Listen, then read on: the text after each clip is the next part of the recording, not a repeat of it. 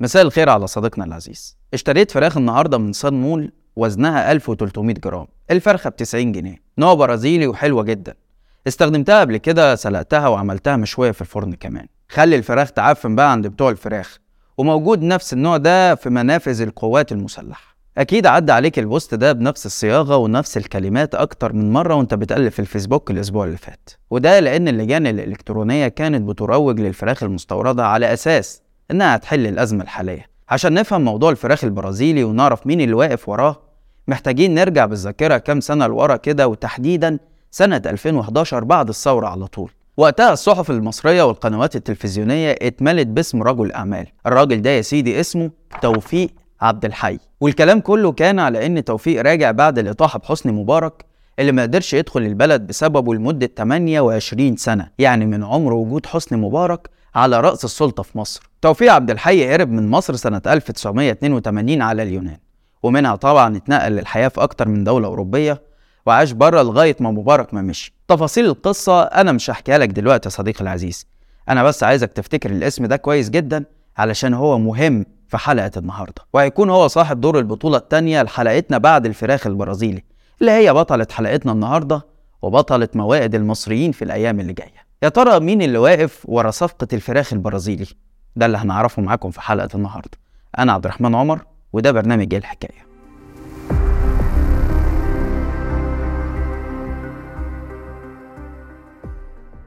أهلا بيكم.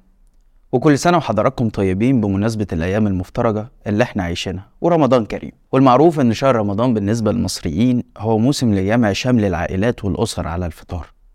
بيعزموا بعض وبيتعاملوا مع ده باعتباره مجال ومدخل للروحانيات الجميلة للشهر الكريم. بس للأسف المائدة اللي المفروض الناس هتتجمع عليها دي اتنين من أهم عناصرها فيهم أزمة كبيرة في السوق وهما الرز والفراخ. وطبعا الحكومة بتاعتنا علشان ما شاء الله عليها حكومة نبيهة وحسيسة بتحاول تحل المشكلتين دول بالفراخ البرازيلي والرز المستورد.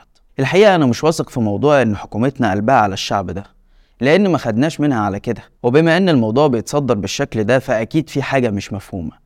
وهنا هنرجع للاسم اللي أنا قلته لك في الأول توفيق عبد الحي اللي ممكن قصته توضح جانب من اللي بيحصل. توفيق عبد الحي عزيزي كان رجل أعمال بزغ نجمه في السبعينات في ظل حكم الرئيس أنور السادات. وقدر بسهولة يصعد في عالم الأعمال لارتباطاته القوية بالسلطة بدءا من التنظيم الطليعي ومرورا بالحزب الوطني ثم علاقته القوية بالوزير عثمان أحمد عثمان صهر الرئيس السادات.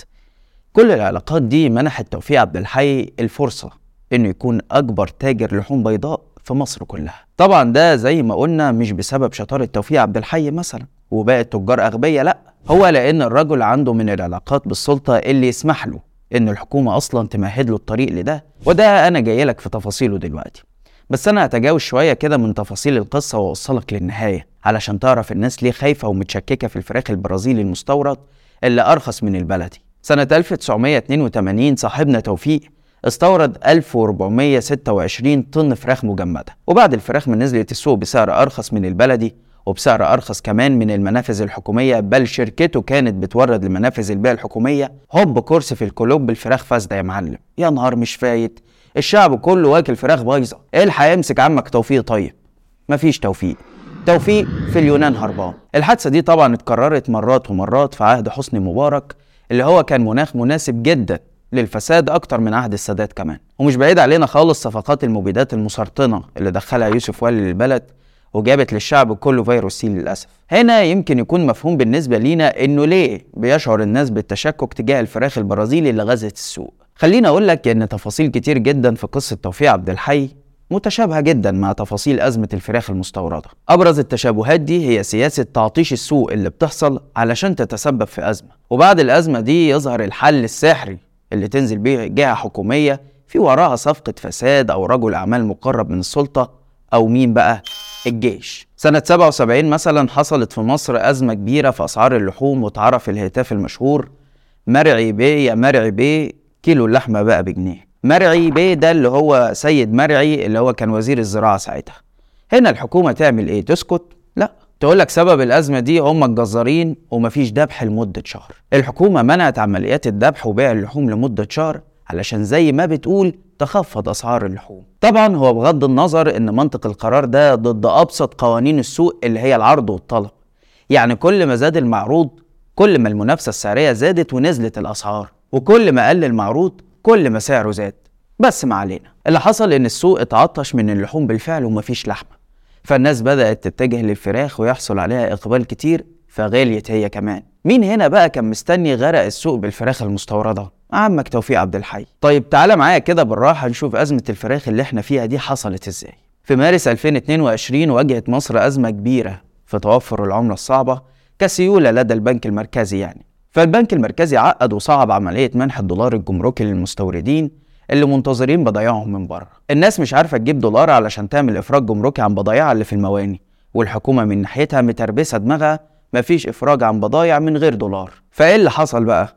بضايع كتير جدا من بينها سلع أساسية وكمان من ضمنها أعلاف الدواجن موجودة في المواني والناس مش عارفة تأكل فراخها. فأسعار الفراخ زادت جدا وأسعار البيض برضو زادت وسعر الكتكوت الواحد وصل ل 30 جنيه. والناس بدأت تعدم الكتاكيت اللي عندها لأنها عيني مش عارفة توكلها منين. هنا حصل نفس اللي حصل في أزمة اللحوم مع عمك توفيق عبد الحي. السوق عطشان طيب مين المنقذ؟ صن مول. والحكومة الجميلة اللي هي نفسها أصلا عملت الأزمة تروح تشتري فراخ برازيلي وتباعها أرخص من الفراخ البلدي. إحنا طبعا حتى الآن مش عارفين مين بالظبط الجهة أو الشخص المستفيد من الكارثة اللي حاصلة دلوقتي غير إن الحكومة هي المستوردة عبر منافذها الخاصة والمجمعات الاستهلاكية. لكن الخوف كله إن الناس تفاجأ بالفراخ دي زي فراخ توفيق عبد الحي الفاسدة. واللي القضاء المصري الشامخ اداله براءة في كل القضايا اللي كانت مرفوعة ضده. وهو بعد ما رجع سنة 2011 بكل بساطة قال أنتوا زعلانين ليه؟ الفراخ ما موتتش حد. طبعا حد هيقول لي انت ليه بتعتبر إن اللي حصل ده كارثة؟ ما يمكن الفراخ تكون مش فاسدة وتكون أرخص فعلا. هقول لك إنه لو فعلا الفراخ مش فاسدة زي ما الحكومة ما بتقول ولو إني أشك في ده إلا إن الموضوع برضه لا يزال كارثة على اقتصاد بلد كامل. لما تتعمد تقتل صناعة وطنية حجم الاستثمار فيها حوالي 100 مليار جنيه وفق الهيئة العامة للاستعلامات وبيشتغل فيها حوالي 3.5 مليون إنسان فدي جريمة ترقى إلى حد الخيانة العظمى. أنت بتتعمد علشان خاطر رجل أعمال أو وزير أو جهة أو مؤسسة تكسب وهنفترض إنها بتكسب من غير فساد. يعني بتتعمد تقتل صناعة وطنية كاملة بمنطق التاجر الجشع. والأصل أنه لا يجب أن تكون الحكومات بتتعامل بمنطق التاجر أصلا لأن الحكومات مسؤولة عن شعوب كاملة. ده على فرض إن الفراخ مش فاسدة حتى الآن. لكن خليني أقول لك إن الموضوع مش واقف عند توفيق عبد الحي ورجال أعمال مبارك من بعده. تعالى كده اسمع لي المقطع ده سنة 2016 بيتكلم عن نفس الوجهة اللي جاي منها الفراخ اللي هي البرازيل. أنا اللي كل بتكلم فيه إن الذبح غير حلال سواء للعجول أو للفراخ. أنا الفراخ اللي داخلة والمشاهد اللي أنا جبتها للناس من البرازيل آه. الفراخ اللي دخلت تتذبح ميتة. م. ميتة. ده ملوش علاقة بالطب البيطري. أنا بتكلم على عملية الذبح الحلال اللي هو اللي إحنا اديناها لمؤسسة الحلال في البرازيل وقلنا لهم لو سمحتوا أنتوا المسؤولين عنها. م. هذه المؤسسة لا يمكن الوثوق فيها. الموضوع بالنسبة لها سبوبة. مين اللي سبوبة؟ الموضوع لمؤسسة الحلال في البرازيل. آه. أربع أو خمس ملايين دولار بتدخل يوميا عشان حتة ورقة بتطلع منك تقول إن الحاجات دي مذبوحة حلال. الحاجات دي غير مذبوحة فالورقة حلال. دي مضروبة. بتقول لي مضروبة يعني. مش مضروبة بتطلع من المؤسسة إنها مذبوحة حلال وهي مجرد ورقة شكلية. يعني ورقة شكلية بالظبط كده. آه بالظبط. ده مين يا جماعة؟ ده أحمد موسى. يعني مفيش بعد كده. ومعاه مين بقى؟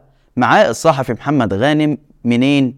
من الأهرام اللي هي بتاعة الدولة. يعني إحنا ما جبناش التشكك ده من عندنا ده رجالتهم نفسهم اللي بيأكدوا لنا كلامنا. وزي ما قلت لك أزمة الفراخ دي مش جديدة. هي مجرد سيناريو مكرر ومؤخرا بقينا بنشوفه بكثافة من الجيش. اللي دايما بيظهر في الأزمات كيد حانيه بتمسح على رؤوس المصريين اللي التجار مزعلينهم في 2016 ضربت مصر واحدة من أكتر الأزمات قسوه لأنها متعلقة بحياة أطفال رضع ملهمش ذنب في أي حاجة وما عندهمش القدرة على التعبير أو تجاوز الأزمة دي بأي شكل من الأشكال.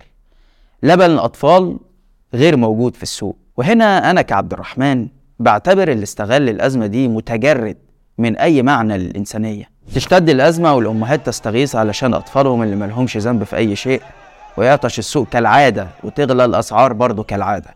وهوب كورس في الكلوب تاني نلاقي الجيش نازل بلبن الأطفال. وبعد ما ينزل بمنتجه خلاص كده.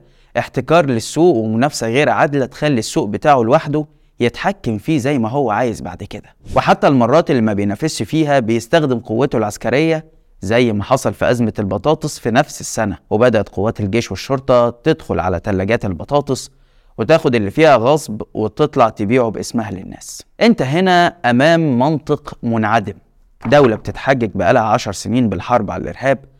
خلصت صلاحية حجة الإرهاب. دخلنا في أزمة كورونا. خلصت كورونا بدأنا في الحرب الروسية الأوكرانية. وكأنه إحنا الوحيدين في العالم اللي تأثرنا بالحرب الروسية الأوكرانية مثلا. ودولة زي البرازيل اللي أنت جايب منها الفراخ رخيصة ما تأثرتش. خد الأتقل من دي بقى.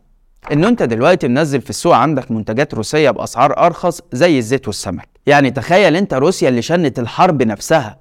مش حاسة بالأزمة اللي أنت بتقول إنك فاشل بسببها؟ وبعد ما منعت الصيد واعتقلت صيادين وفرضت سيطرتك العسكرية على بحيرات وعلى أماكن صيد واسعة ورحت عملت مزارع سمك وفتحت خط جمبري على قيادته رتبة عسكرية كبيرة وعندك بحر أحمر وبحر أبيض ونهر نيل وبحيرة ناصر وبحيرات أخرى. بعد كل ده رايح تشتري سمك من روسيا اللي هي فيها الحرب. الرز مثلا اللي الحكومة أعلنت رسميا إنها تستورده. هو مش انت برضو اللي اصدرت قرارات منع زراعة الأرز بسبب أزمة؟ انت السبب فيها؟ ما هو انت اللي مضيت على اتفاقية المبادئ وقلت لإثيوبيا اتفضلوا ابنوا السد وامنعوا المية. مش إحنا يعني اللي مضينا. وبعدين فرضت تسعيرة جبرية على الرز لما بقى واقف على المزارع بخسارة فوقف زراعته. ووقف بيعه للحكومة بالتسعيرة الخسرانة. وراح باعه لمزارع السمك فبقى السمك ياكل الرز والبشر مش لاقيينه. وبعدين راجع تستورد من بره. وهتستورده بإيه طيب؟ هتجيبه بنظام المقايضة مثلا؟ ما هو لو الحكومة هي اللي بتجيب فهي بتستورده بالدولار اللي هي نفسها بتقول إنها مش لاقياه ومنعته عن المستوردين فتسبب في أزمات كبيرة زي أزمة الفراخ. ولو اللي هيجيبوا من بره رجال أعمال فبرضه الحكومة هتديهم دولار جمركي اللي هي منعته عن غيرهم وتسببت في الأزمة. فيعني يا حكومة يا محترمة انت معاك دولار ولا مش معاكي علشان بس نكون واضحين؟ أزمة الفراخ ما هي إلا علامة على طبيعة الناس اللي بتحكم مصر. علامة على طريقة تفكيرهم الواضح جدا إنها بتبدي مصالحها الشخصية على مصلحة بلد كاملة وشعب كامل. علشان خاطر واحد يزود حساباته في بنوك سويسرا أو علشان خاطر جهة تحتكر المال وتسيطر على السوق ما عندهاش أدنى مشكلة في إنها تهدد الشعب كله بطعام فاسد. وفي حال لم يكن فاسد فهي بتهدد وطن كامل بتدمير صناعة مهمة زي ما قلنا بتشغل 3.5 مليون إنسان. وفيها دورة إنتاجية كاملة من أول المزارع ومربي الدواجن والعمال وسائقين النقل وتجار التجزئة وصغار المربين والصناعات المساعدة والرديفة. اقتصاد كامل بحجم 100 مليار جنيه بيتدمر علشان خاطر واحد بس أو جهة واحدة في البلد. ممكن يكون الفراخ سليمة وحلوة وممكن يكون الرز الفلبيني حلو والزيت الروسي حلو ومش بالضرورة يكون فاسد. بس للأسف الشعب فقد الثقة في الحكومة. لأنه اتلسع منها مرات عديدة في أطعمة فاسدة جابت له أمراض مميتة. الشعب فقد ثقته في الحكومة لأنه شعر بأنها لا تعامله معاملة كريمة تليق بالبشر. فبقت تجيب له بواقي أكل الشعوب أو الأكل البايظ اللي الشعوب ما بترضاش تاكله. حكومتنا تجري وتجيبهن وتبيعهن بالغالي. وكمان توقف حالنا وتدمر صناعتنا الوطنية. توفيق عبد الحي تكاثر وبقى فيه كتير منه. بل وتضخم وبقى مؤسسات كاملة بدل ما كان وظيفتها تحمينا بقى وظيفتها الأولى دلوقتي هي إزاي تكسب. وفي سبيل إنها تكسب مش مهم مين يجوع ومين يخسر فلوسه ومين يخسر شغله وحياته ومين يموت. بس كده. لحد هنا وحلقتنا خلصت. لو الحلقة عجبتك اعمل like و share واشترك في القناة عشان يوصلك كل جديد. وما تنساش إنك تقدر تسمع البرنامج بتاعنا بودكاست من الروابط اللي هتلاقيها في التعليقات. وتابعنا على حساباتنا الجديدة انستجرام والتيك توك. واستنانا كل يوم اتنين وجمعة الساعة 8 بالليل بتوقيت القاهرة في حلقة جديدة من برنامج إيه الحكاية؟ سلام.